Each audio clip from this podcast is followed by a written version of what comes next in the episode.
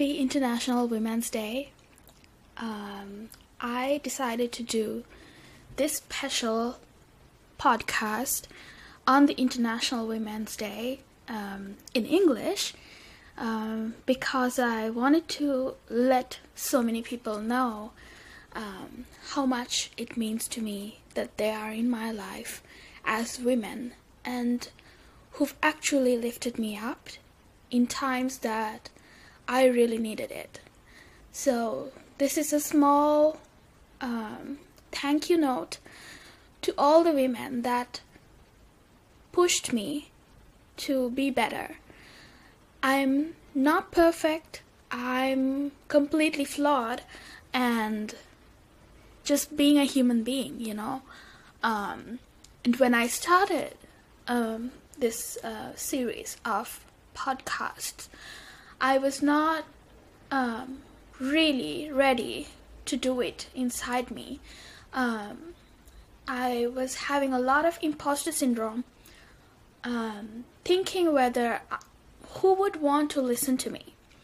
Um, is it really necessary that I go ahead and talk about these little details and little things that uh, was important to me at one point and I had no clue and I figured it out on my own with people's help, of course, but um, took me a lifetime to really understand little things that were important to me. And I was thinking, why don't I talk about it and give it to people um, on like in a in a silver platter, basically, um, when I can do it. So that that was the whole idea about um, starting podcast with Judith. Um, it doesn't matter if thousands are listening to me or hundreds are listening to me, ten people, one person.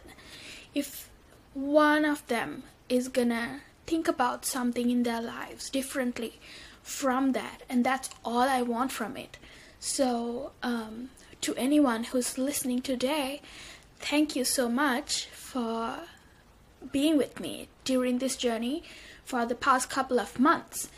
Um, I want to make sure that I talk about the fact that I feel that I'm not good enough. Because I talk about a lot of positive things during this series and telling people to push forward. Um, but at the same time, I need to acknowledge that it's not something that I'm completely comfortable with either.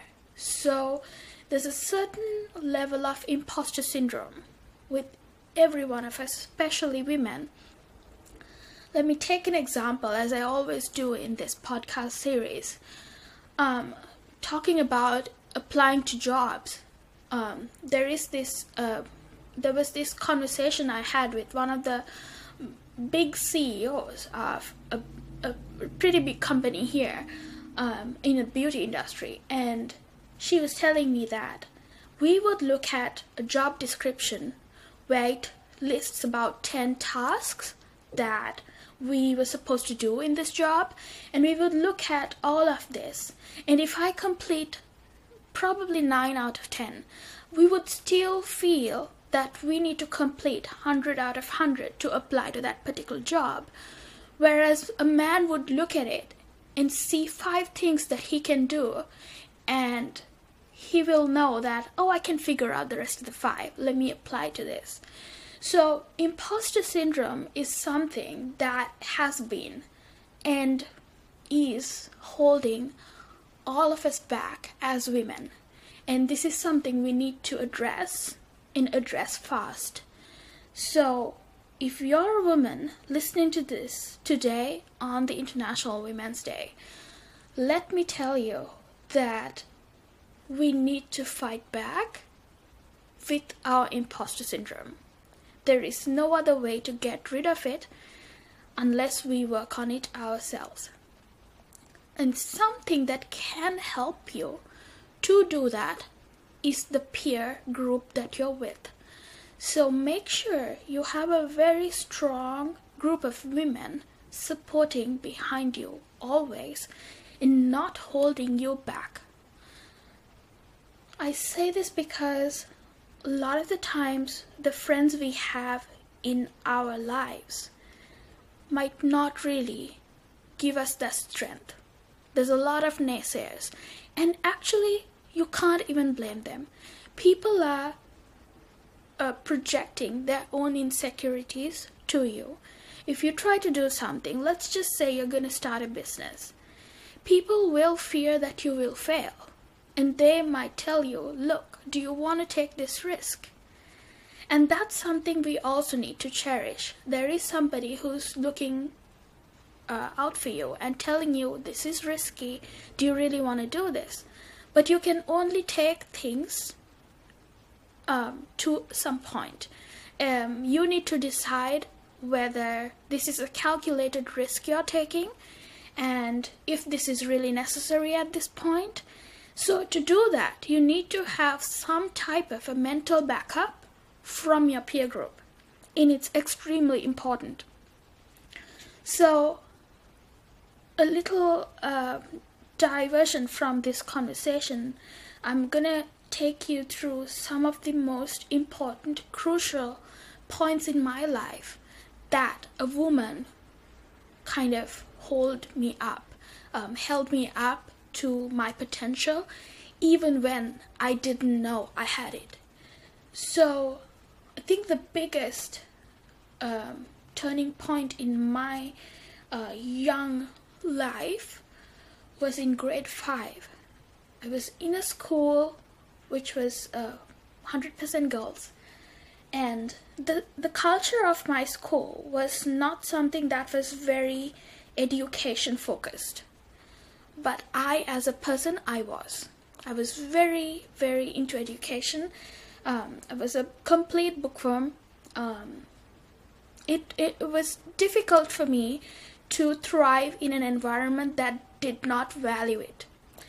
Um, I saw constantly that um, what got tre- uh, what got treated right in the school environment was somebody who was not like me. Um, and then I realized in, in the outside world, there were so many opportunities for somebody who was really studious. And this was a constant conflict in me.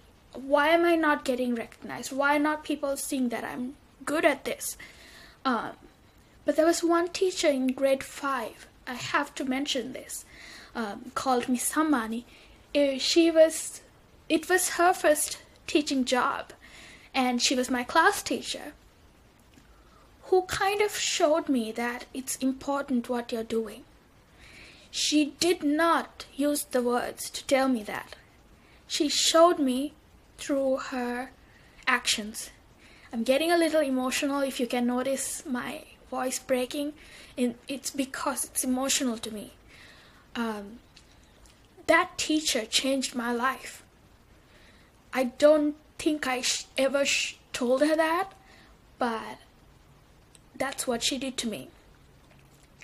After that, I was true to myself about this is what I want to do.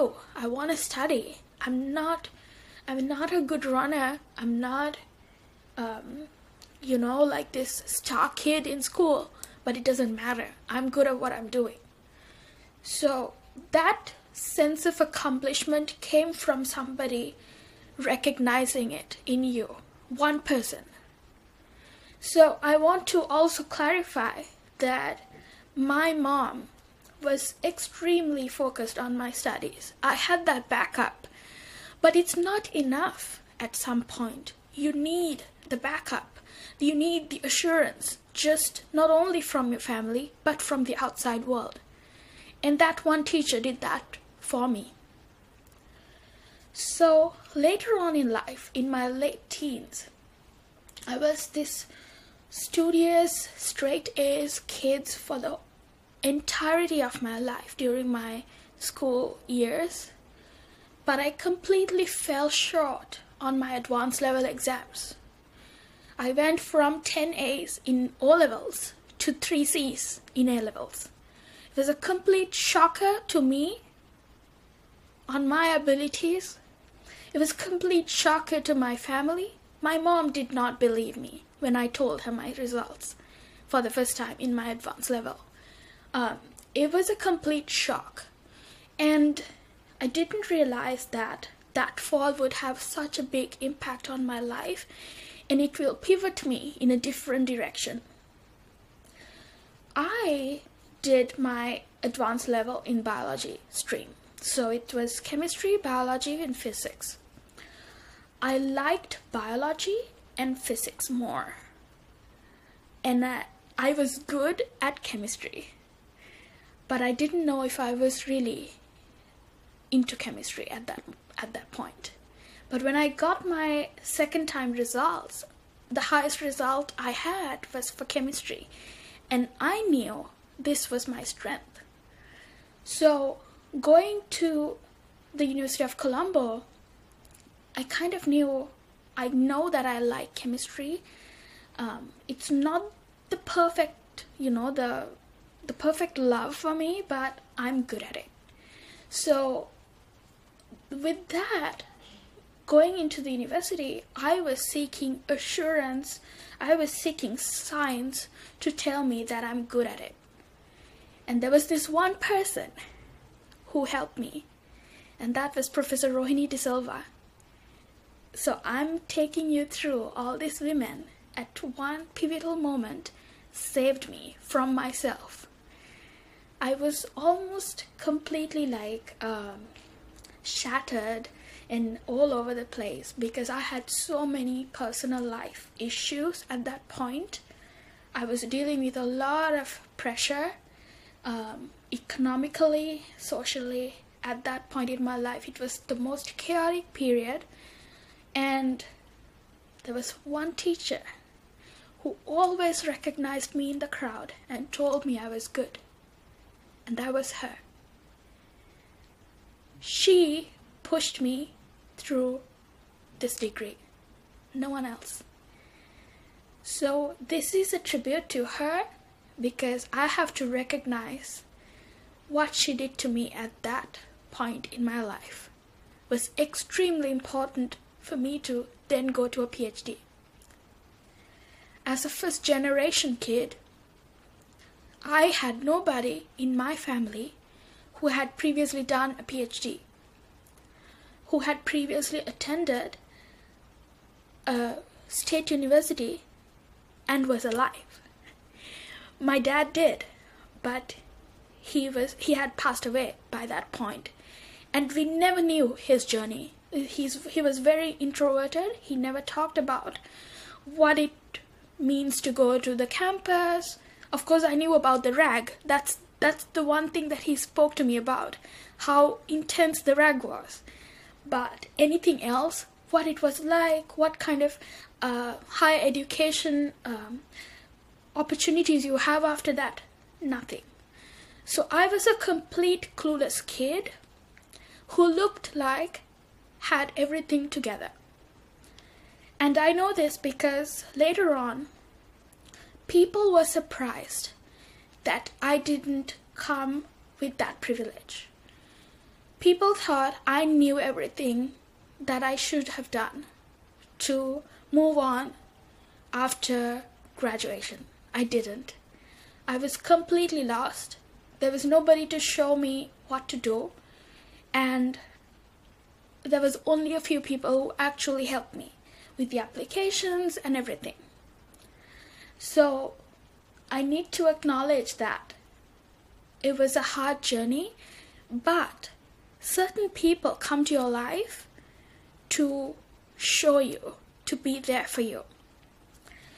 I also have to mention my best friend from school and my best friend right now, Rumi, who was this one strong pillar who held me together um, mentally.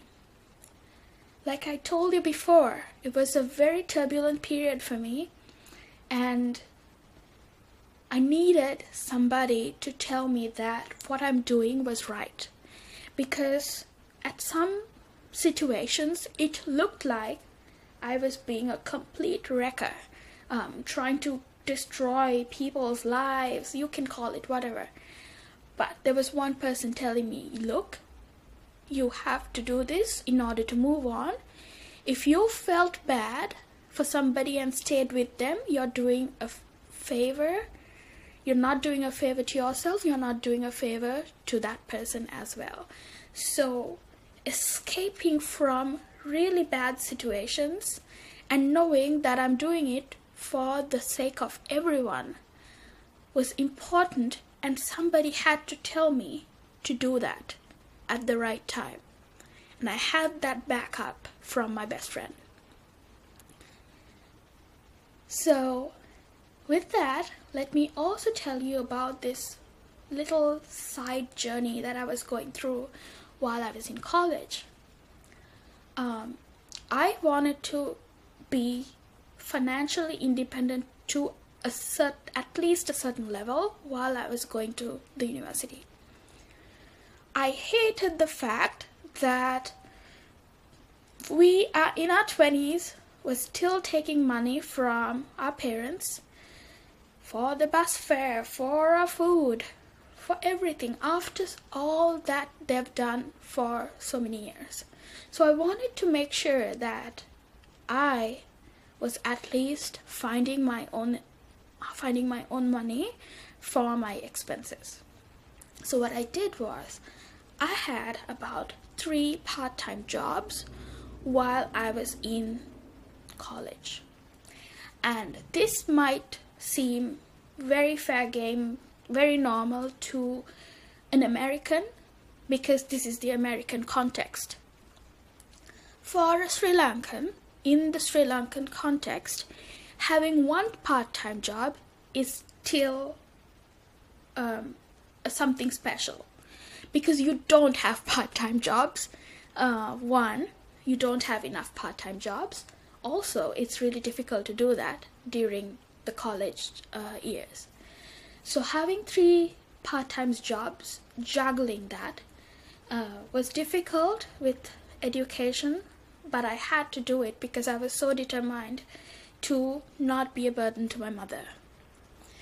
So, while this was happening, one place that I worked for was a gym. There was a this was a very um, um, prominent gym in the Colombo fitness scene. Um, I was it was run by a Colombian lady, Ellie. Um, she was my boss, and she took a chance on me, a kid who was never, never considered fit and you know fit looking.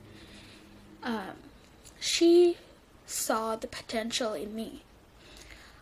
I was working there as um, administrative assistant. I was just doing like the front house management, um, things like logistics. But at one point, she was like, You could be an instructor. And that's when she decided to give me a free, like, she gave me a 40,000 rupee course at that time for free to go ahead and do it and become a fitness instructor in Zumba, which I would have never seen myself in. And I did it for a number of years before I left to uh, go to the US for my studies. Um, the fact that someone sees something in you that you don't see in yourself, this comes up again and again in my life, and that came from women.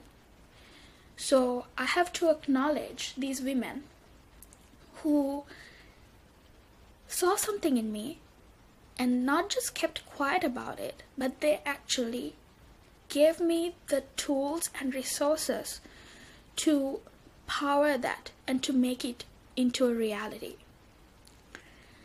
So, after that, when I came to the US, I was doing my PhD, and there were times that it was really really difficult for me. It got into it got to a point where i was really feeling depressed feeling uninspired to do the work because it was mentally really exhausting.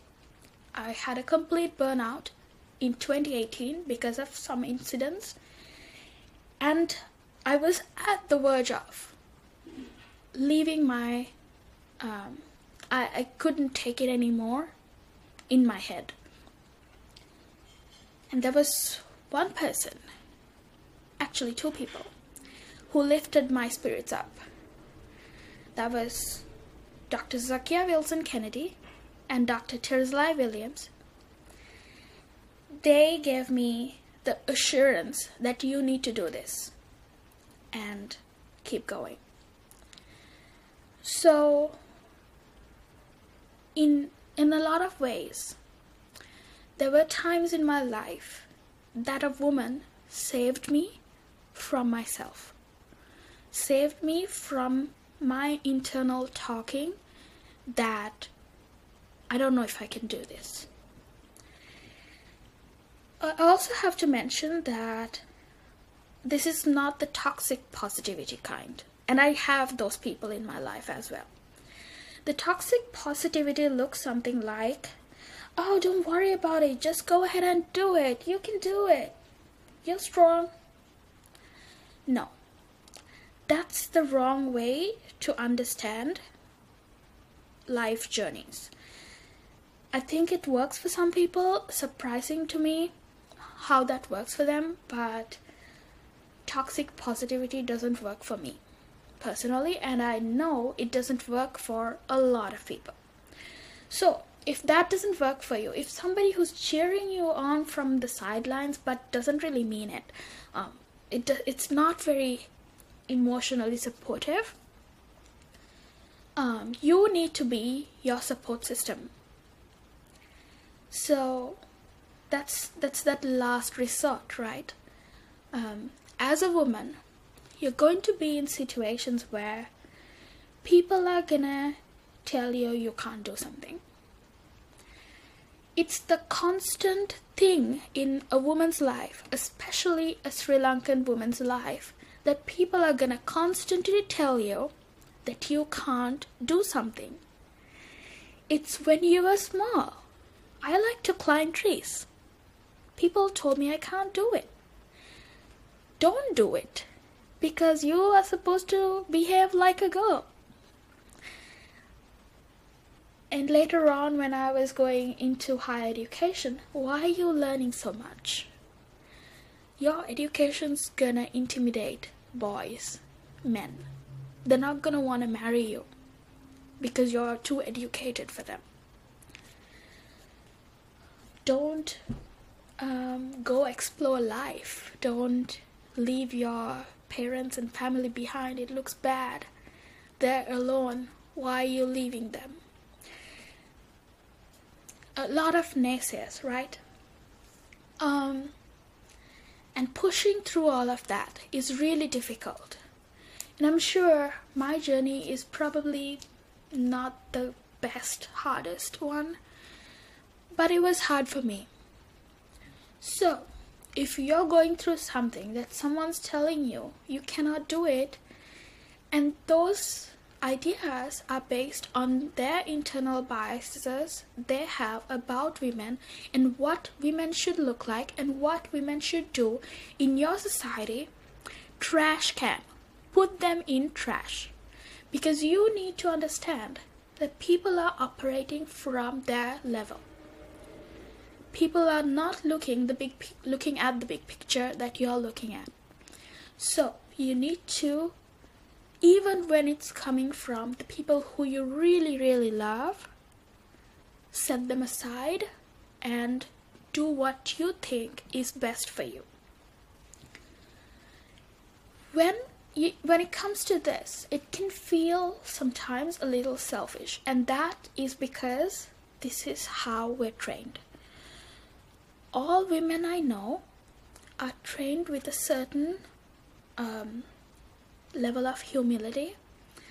We always put others' interests first, and that's how we have grown up. And it is really difficult for us to focus on ourselves. And when we do, it's a double edged sword. Think about it. We'll just take a very um, superficial thing like beauty. If you're into your beauty regime, you're trying to look nice and And sometimes you're not even doing it for other people. You just want to feel good. You will wear makeup or you'll take care of your body properly. People are going to look at you and think, what is she doing? She's completely obsessed with herself. But also imagine the other way around. If you're not looking a certain type of way, people are to tell you that why is she looking like that? She she just really, really don't care. And you're gonna you're going to unfortunately lose opportunities with people. And i've seen this multiple times in my life even. When i didn't look good people treated me a separate a certain way. And when i looked good i got a completely different reception so this is a double-edged sword for women all the time in their lives. You can't be completely career oriented, you can't be completely family oriented. You have to find a balance which is perfection and which which does not exist.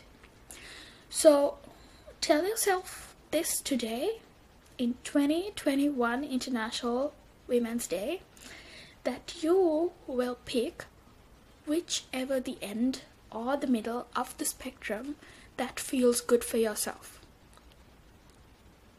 And you will change whenever you need to as well. All of your decisions you take in the spectrum is good.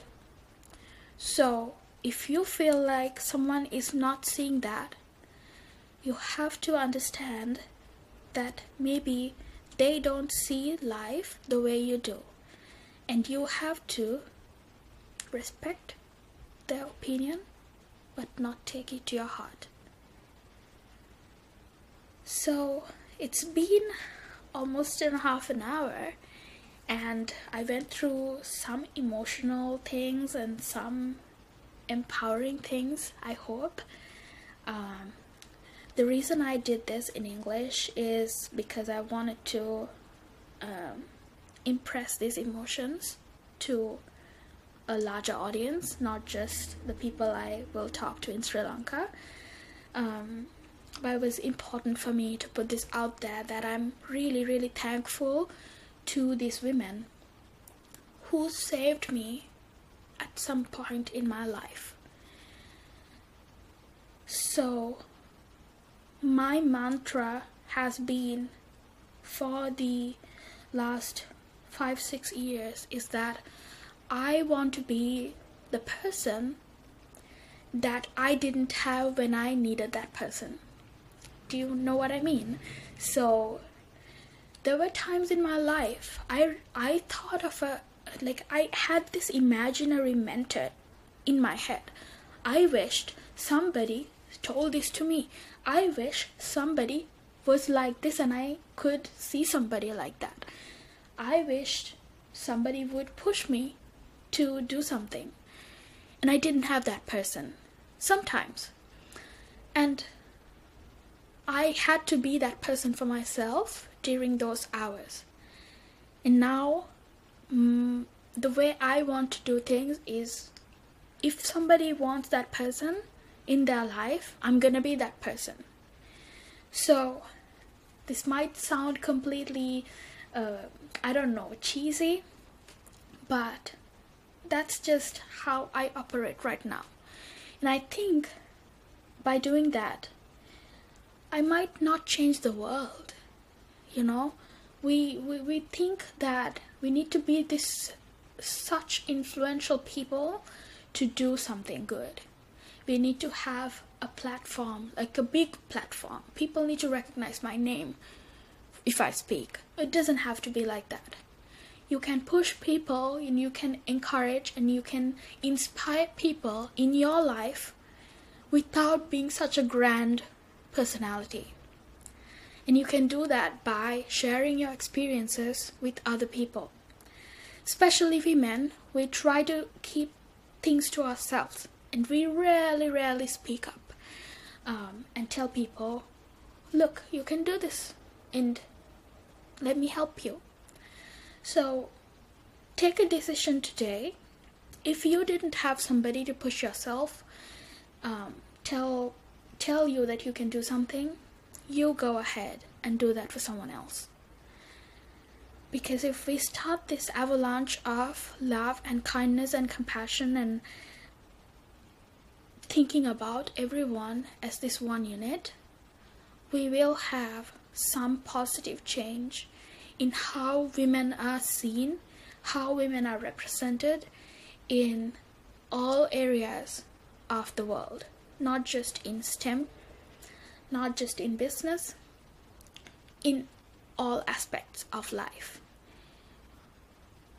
Without glorifying the few people who are role models, who are um, prominent figures, prominent female figures, you can also look into your life and recognize people who played pivotal roles and be that person to someone else. So, with that being said, thank you so so much for joining with this rant of mine on International Women's Day. And if you're a woman, keep pushing yourself. Be you. Thank you.